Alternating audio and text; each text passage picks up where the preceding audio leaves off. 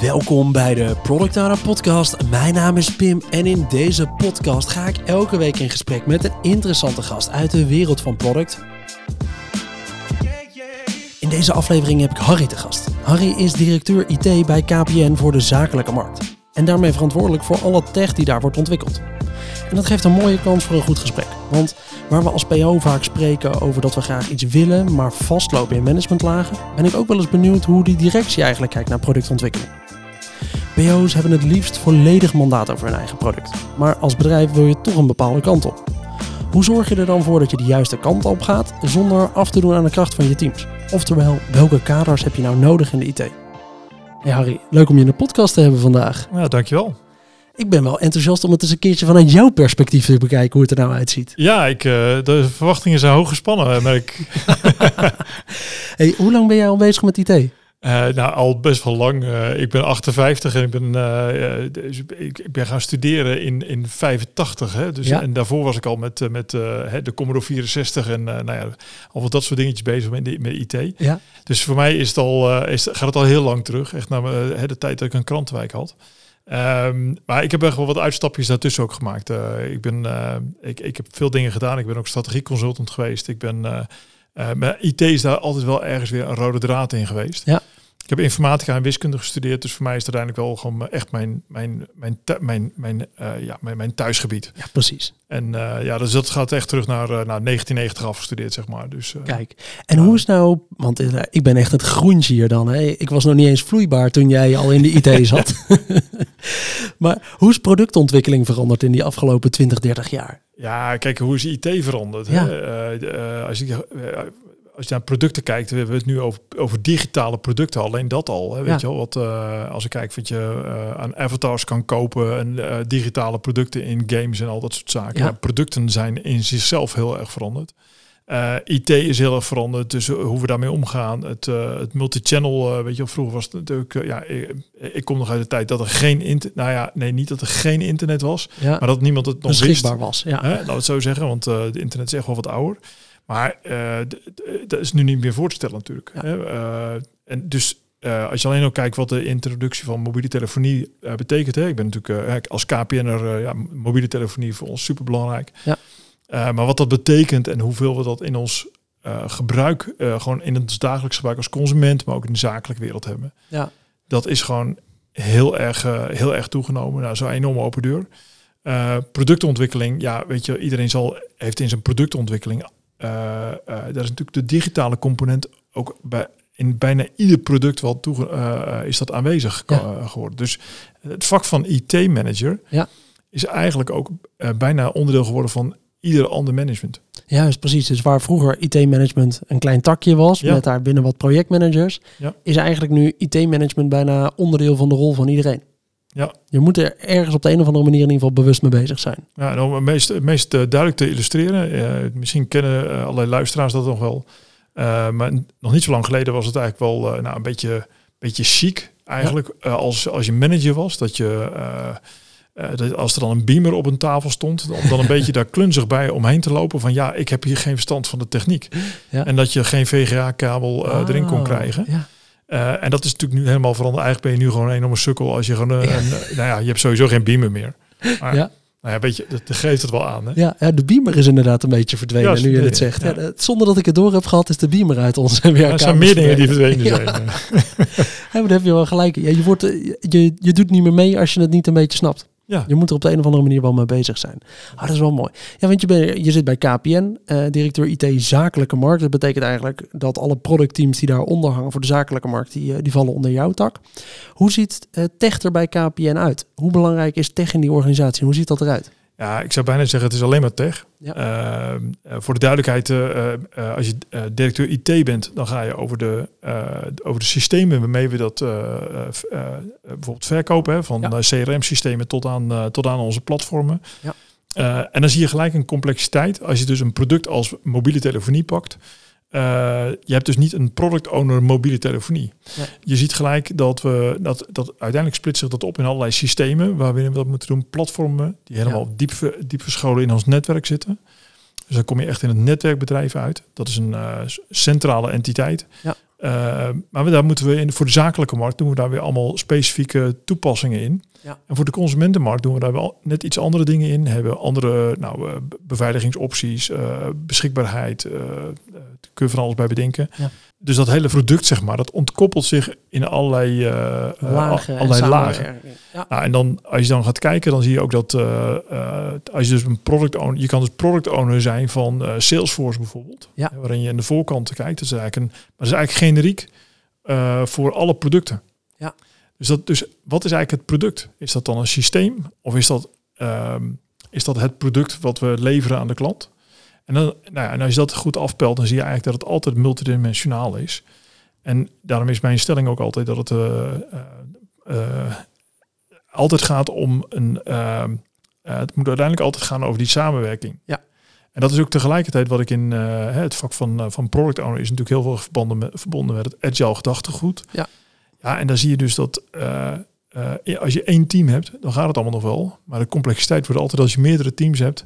Hoe laat je dat met elkaar samenwerken? Hoe ga je met afhankelijkheden om? Ja, en hoe verkort je dan bijvoorbeeld je leveringsketens? Ja, precies. Ja, het, het schalen van agile is altijd een probleem. Hoe hebben jullie agile geschaald? Werken jullie les of safe? Of, ja, uh... we werken eigenlijk met, met les. Ja. Uh, uh, ik ben zelf, ik, ik heb hiervoor 13 jaar bij ABN Bank gezeten. Ah, ja. Dat deden we safe. Ja. ik denk dat safe, maar dat, ik krijg nu allerlei collega's die me zo meteen gaan opbellen. maar ik vond safe iets beter geschikt in juist dat scaled aspect. Ja. maar wat je vaak ziet is dat het toch, en, en zo kijk ik ook wel een beetje naar dit soort methodes. Uh, uiteindelijk moet je een beetje cherrypicking doen uit de methodes. Zeker. Kijk, op het moment dat je de methodes zo voor, boven, uh, zo, zo heiligmakend uh, voorop stelt, ja. dan denk ik dat je je verliest in de theorie. Oh, ja, nee, zeker waar. Nee, uiteindelijk gaat het heel vaak met welke methode. En dat is ook denk ik de agile manier om om te gaan met zo'n methode. Is ergens gewoon cherrypicken en kijken wat je daaruit wel voor jou werkt en wat er niet voor je werkt. Dus nee, Ja. helemaal mee eens. Hey, en dus jij zit als uh, richting uh, op directeur IT. Is er ook nog iets als een chief product of zo, die over alle producten gaat? Of is dat niet een rol binnen KPN? Nou ja, die is dus al verdeeld in, uh, in, in segmenten. Ja? Dus je hebt een in de zakelijke markt alleen al hebben we een midden- en kleinbedrijf gedeelte. En Ja. we hebben een large corporates deel. En we hebben nog een speciaal deel wat zich richt op de echt grote bedrijven. Ja. Dat is de, noem het integrationsbedrijf. Ah, check. Ja, en als je dus over producten gaat praten, dan ja, heb je dus een aparte product management zitten bij, uh, uh, bij, uh, bij SME, hè, Small and Medium Enterprise. En bij large corporates. En dat kom je ook bij de consumentenmarkt bijvoorbeeld tegen. Oh. Um, en die moeten allemaal hun eigen producten gaan maken, allemaal tunen. en die moeten, uit- dat komt allemaal uit in, in essentie op datzelfde netwerkproduct. Ja, Wat natuurlijk over diezelfde zendmasten heen gaat.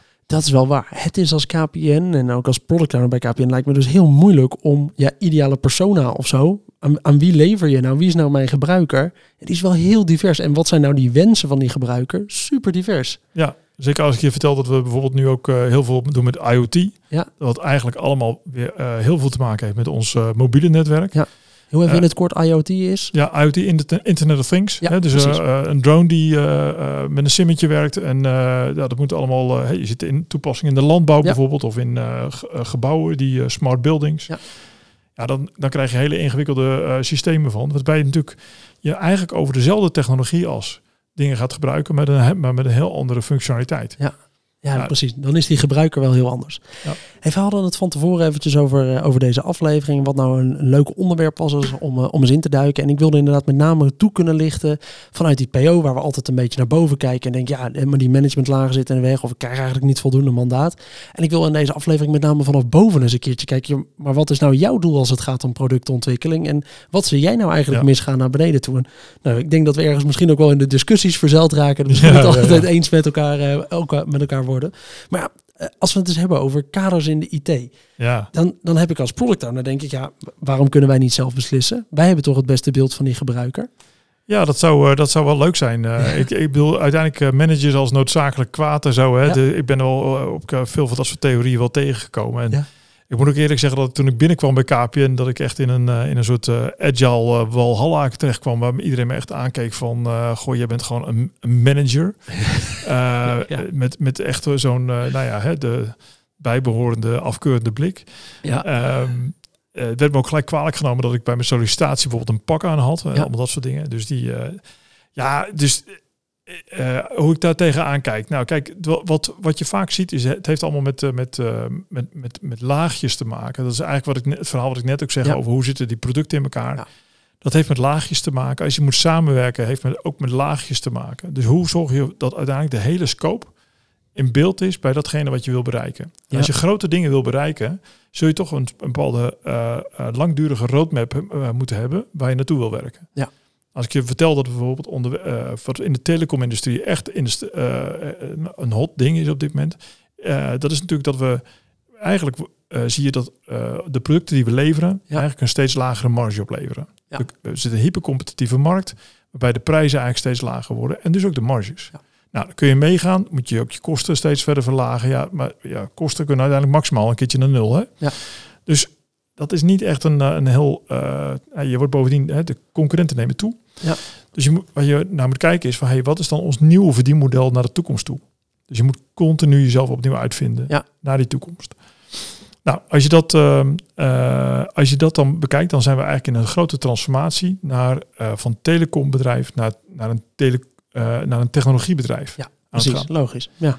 Nou, die, dat vereist dus ook wel dat je daar echt een meerjarig gedachtegoed over hebt. In welke stappen dat dan moet gaan, gaan gebeuren. Ja.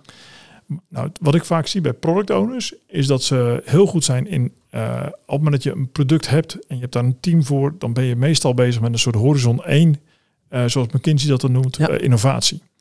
Maar horizon 2 innovatie, waarbij je echt kijkt naar hey, nieuwe, hoe ga ik nieuwe businessmodellen doen? Hoe ga ik de hele, ja. echt, echt, fundamenteel andere producten neerzetten? Ja, dat moet je, daar zit echt een ander type ontwikkeling achter. Die je niet vanuit een, zeg maar, een soort staande business waarbij je continu vernieuwt. Ja maar echt naar transformatieve IT uh, bijvoorbeeld gaat kijken. Juist. Nou, dat zijn, nou, en uiteindelijk, het, het, is ook niet dat je een tweede bedrijf ernaast opzet. Dus je moet het ook laten samenwerken. Nou, Ja. als je dat bekijkt, dat heeft wel overal sturing nodig.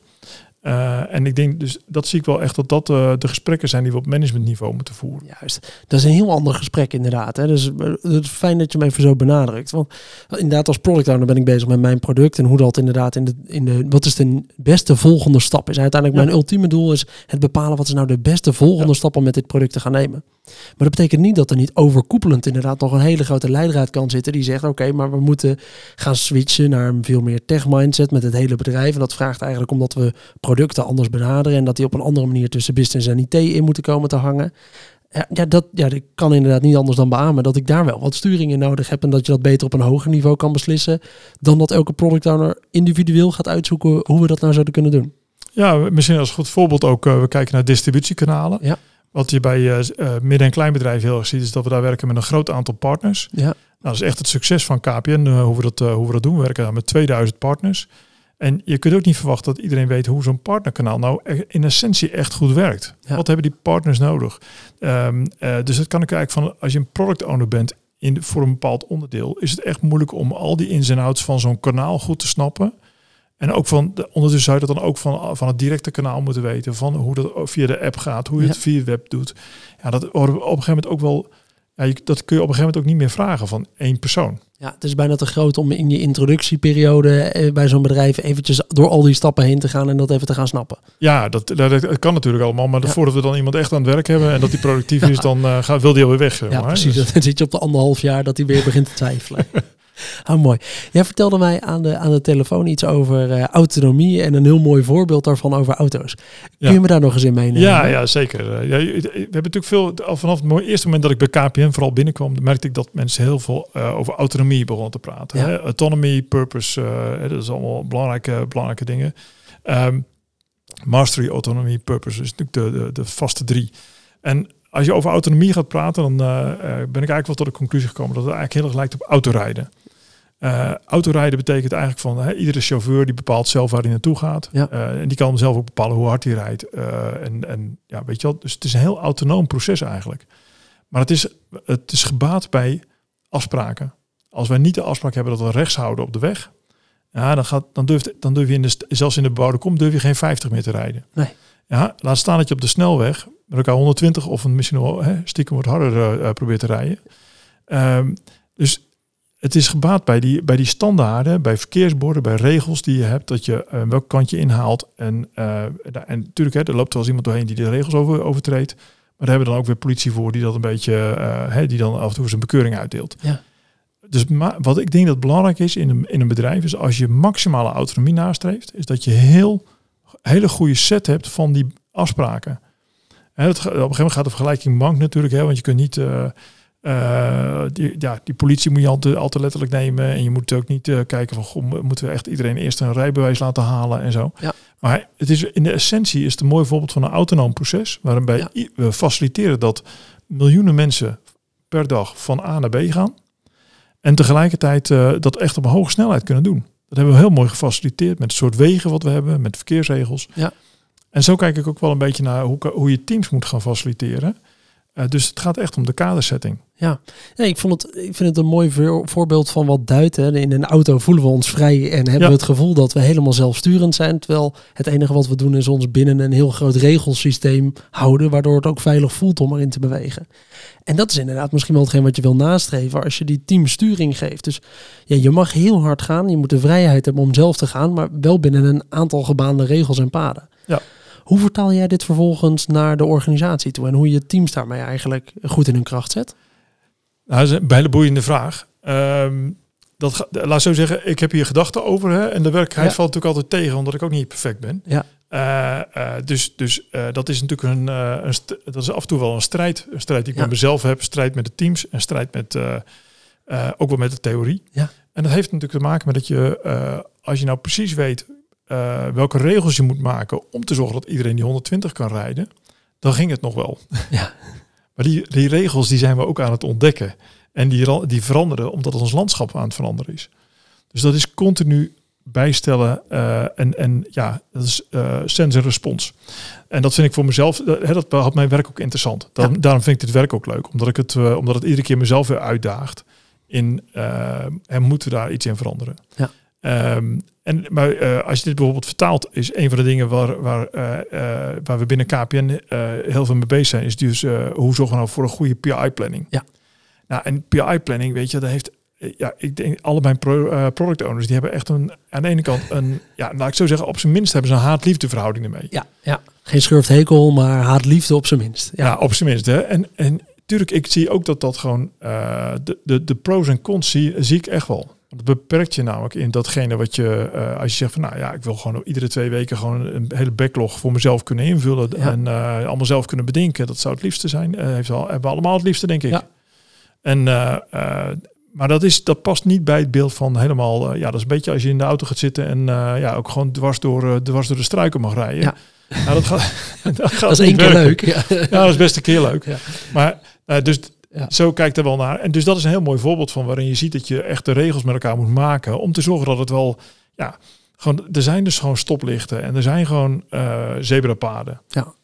Ah, check. Precies. Dus in dat landschap ja, gaat dat eigenlijk allemaal, wisselt het de hele tijd. Daar ben je naar op zoek hoe je dat in zo'n team kan doen.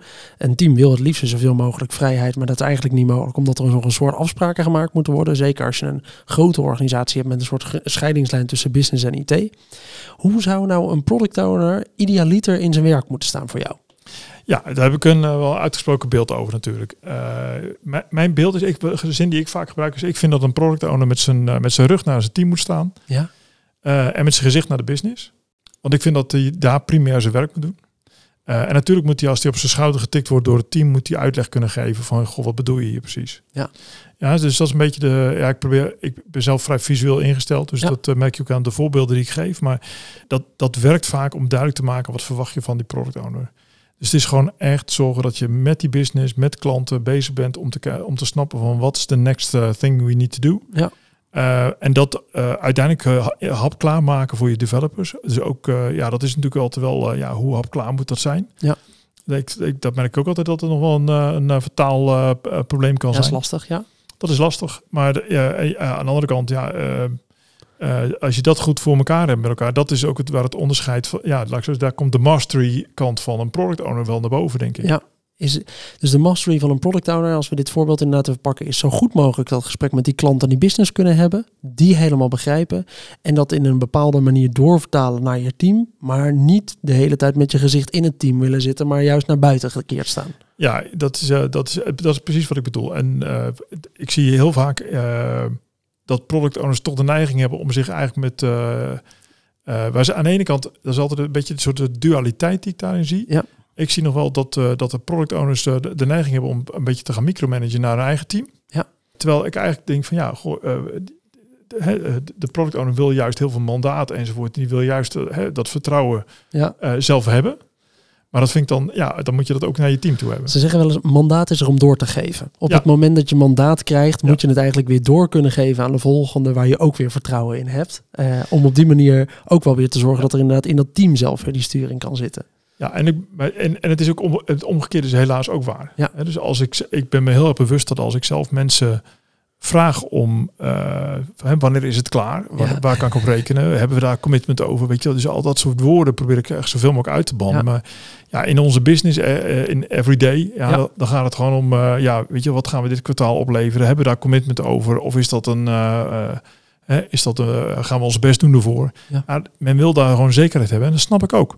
Want onze business is uiteindelijk wel een partij die moet ook reclamezendtijd inkopen en nou, enzovoort. Hè? Nou, dus planningen hebben we allemaal, ergens hebben we allemaal een bloedhekel aan planningen, maar vooral de planningen van een ander. Ja. ja en uh, ja, dat, uh, ik denk, ja, dat is zo'n menselijk trekje, zou ik bijna zeggen. Is dan wel voor een partij als, als KPN, als je zo groot bent en je hebt inderdaad veel van die levermomenten, zou je dan wel agile moeten willen werken? Nou, daar hebben veel mensen uh, in KPN wel een mening over. Ja, ja, uh, ja ik, ik denk het wel. Maar ik denk dat je, ik zie Agile als een van de methoden. Kijk, ja. als wij een nieuwe mobile core gaan neerzetten, dat is eigenlijk, uh, dat zijn we nu aan het opbouwen. Ja. Voor, uh, dat gaan we over een paar jaar lanceren. Um, die, die, die snelheden worden allemaal nog, nog groter en dat vereist allemaal nieuwe technologie en er zijn allemaal nieuwe licenties. Ja, dat, dat is niet iets wat je agile opbouwt. Nee. Ja, dat, is, dat is gewoon heel goed design maken ja. en de juiste leverancier vinden voor de juiste spulletjes. En dan, uh, ja, dan begint gewoon het grote knutselen. En Ja. dan, uh, dat ga je echt niet agile doen. Nee, weinig onzekerheid. Je weet precies waar je heen wil. Ja, dus, je moet, dus je moet al die methodes moet je ook wel een beetje door elkaar durven gebruiken. Ja. En ik merk wel dat uh, naarmate de dingen groter zijn in een strategie, hè, dus als ze transformatiever zijn, dan heb je, wil je ook meer zekerheid hebben, omdat je er bijvoorbeeld heel simpel, zeker business transformatie, is ook iets wat je, als je een beursgenoteerd bedrijf bent, dat willen onze aandeelhouders bijvoorbeeld ook weten. Dus die zeggen van, joh, uh, waar, zijn, waar, waar zijn jullie naartoe onderweg? Ja. Weet je? Uh, en als je een goed verhaal hebt, ja, dan gaat de beurskoers omhoog. Ja, zo werkt het ook. Nou, dat moet toch ergens doorcijpelen. Ja. Hoe je het ook bent of draait. Hè? Het grote verhaal wat Joost Farwick als onze CEO vertelt, dat moet doorwerken uiteindelijk naar het werk wat we in onze teams doen.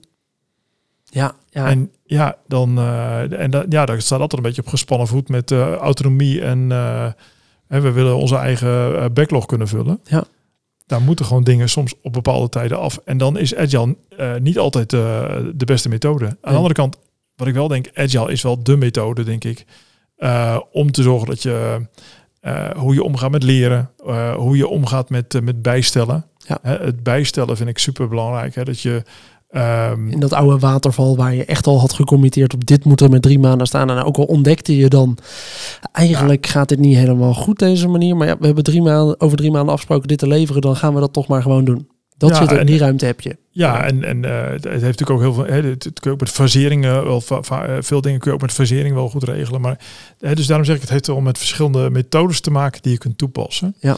Maar je moet ook gewoon eh, ja, be- bewijs van eh, dat, dat het werkt. Hè? Dat vind ik eh, de hele MVP-benadering vind ik uiteindelijk wel. eh, dat vind ik wel heel plezierig in, in Agile. Ja.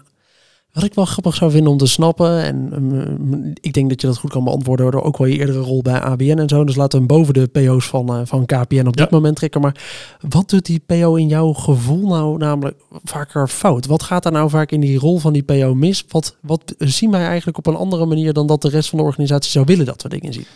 Nou, wat ik vooral zie is dat mensen zich nog wel eens kijken op de, de, de span of communication die je hebt. Hè, dus eh, eh, het goed weten van wie zijn allemaal je stakeholders en hoe zorg ik dat die stakeholders op de juiste informatie eh, bedien. Ja. Daar zie ik dan wel eens, dat, dat, dat vind ik, ja, dat is wel een klassiek voorbeeld. Ja. Communicatie kun je bijna nooit helemaal goed doen. Hè? Dus je hebt altijd te weinig of te veel, of weet je wel. En wat voor de een te veel is, is voor de ander te weinig. Hè? Dus dat is ook nog eens voor de ontvanger heel verschillend per groep. Uh, maar wat, om een voorbeeld te noemen, van de week kreeg ik nog een mail van uh, de, de, de nou, laat ik geen namen noemen, maar belangrijke functie in ons bedrijf. En die, had, die had de release notes gezien van die dan opgestuurd worden van, van een van die agile teams. Ja. Ja, en die ziet dan twintig dingen die opgeleverd worden, waar je natuurlijk geen van alle twintig gewoon er niet één begrijpt. Ja. Dat het gewoon allemaal heel low level, ja, wat je in de afgelopen twee weken hebt kunnen doen. Dus die, die, ja, die kan dat niet plaatsen. In uh, welke beweging zijn we onderweg? En hebben nu een stap daarin gezet of niet? Ja.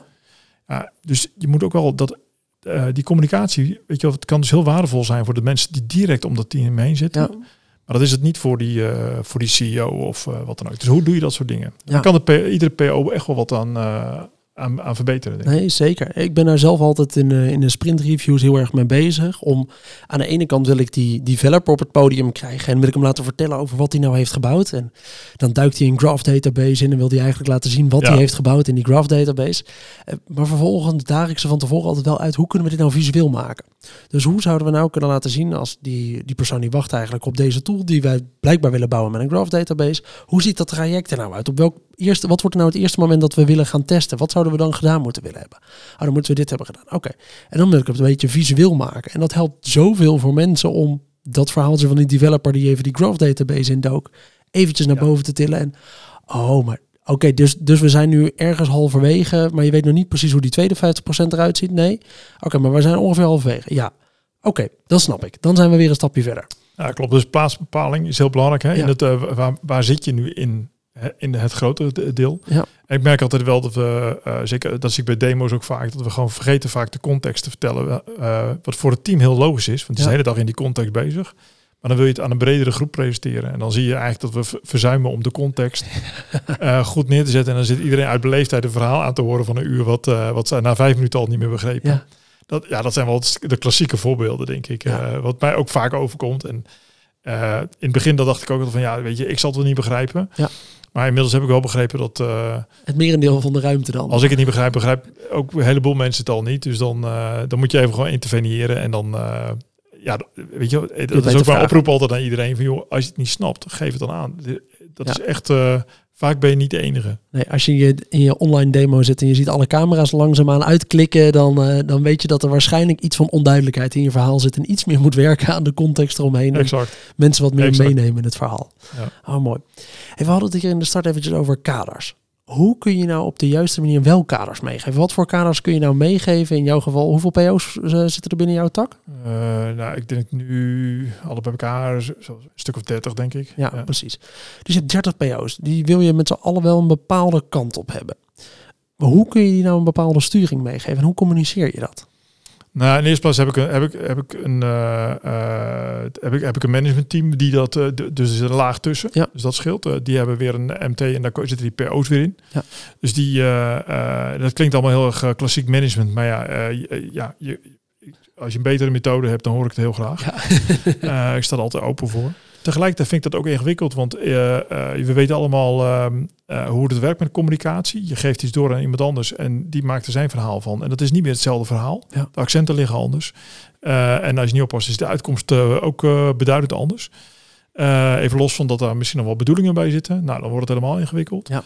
Ehm, dus, dus daar ben ik me altijd heel bewust van. En dat betekent ook dat je dus regelmatig sessies moet houden waarin je, uh, nou, hebben bijvoorbeeld alignment sessies. Dat komen, uh, doen we één keer per kwartaal ook, waarin we het, het, komende kwartaal en het afgelopen kwartaal een beetje terugblikken en vooruitblikken op het volgende kwartaal. Um, en daar zitten alle PO's en Scrum Masters bij elkaar. En dan, uh, dan nemen we dat ook door. En dat zijn wel de momenten wat je, waar je naast dat je een stuk over de, de inhoud voor het komende kwartaal met elkaar even zinkt, ja. ook wel dit soort boodschappen van, van kadersetting mee kan geven. Dus dat we zeggen van joh, we hebben gemerkt dat dit niet werkt. Uh, nou, dat, soms is dat, uh, nou, hoe kijken we tegen story points aan? Dat kan gewoon, weet je, iets heel bazaals zijn. Hè? Um, uh, ja, waarom hebben wij story points en waarom praten we niet over mandagen? Ja. Weet je wel, is op een gegeven moment ook zo'n... zo'n en ik natuurlijk, nu ga ik waarschijnlijk vast allerlei... er zijn wat mensen die zich tegen de schenen geschopt voelen, maar dat is oké. want ik, ik sta er hetzelfde in hoor, met, met storypoints, mandagen. Daar zit altijd een soort, zelfs vanuit developers, een, soms wel de wens van ja, moeten we dit niet even wat handiger inzichten kunnen maken? Ja, ja ja, en nou ja, dus daar kun je helemaal in verliezen. Maar je, ik merk wel, het moet, eh, en dat vind dat, mijn, mijn betoog is altijd van hoe hou je het, maar, hoe hou je het nou praktisch? Ja. Hè, dus, en dan vind ik mandagen wat makkelijker en eh, wat overzichtelijker. En dan kun je het ook beter over hebben. Goh, is dat nou zoveel mandagen waard? Is het dan nog wel value? Ja.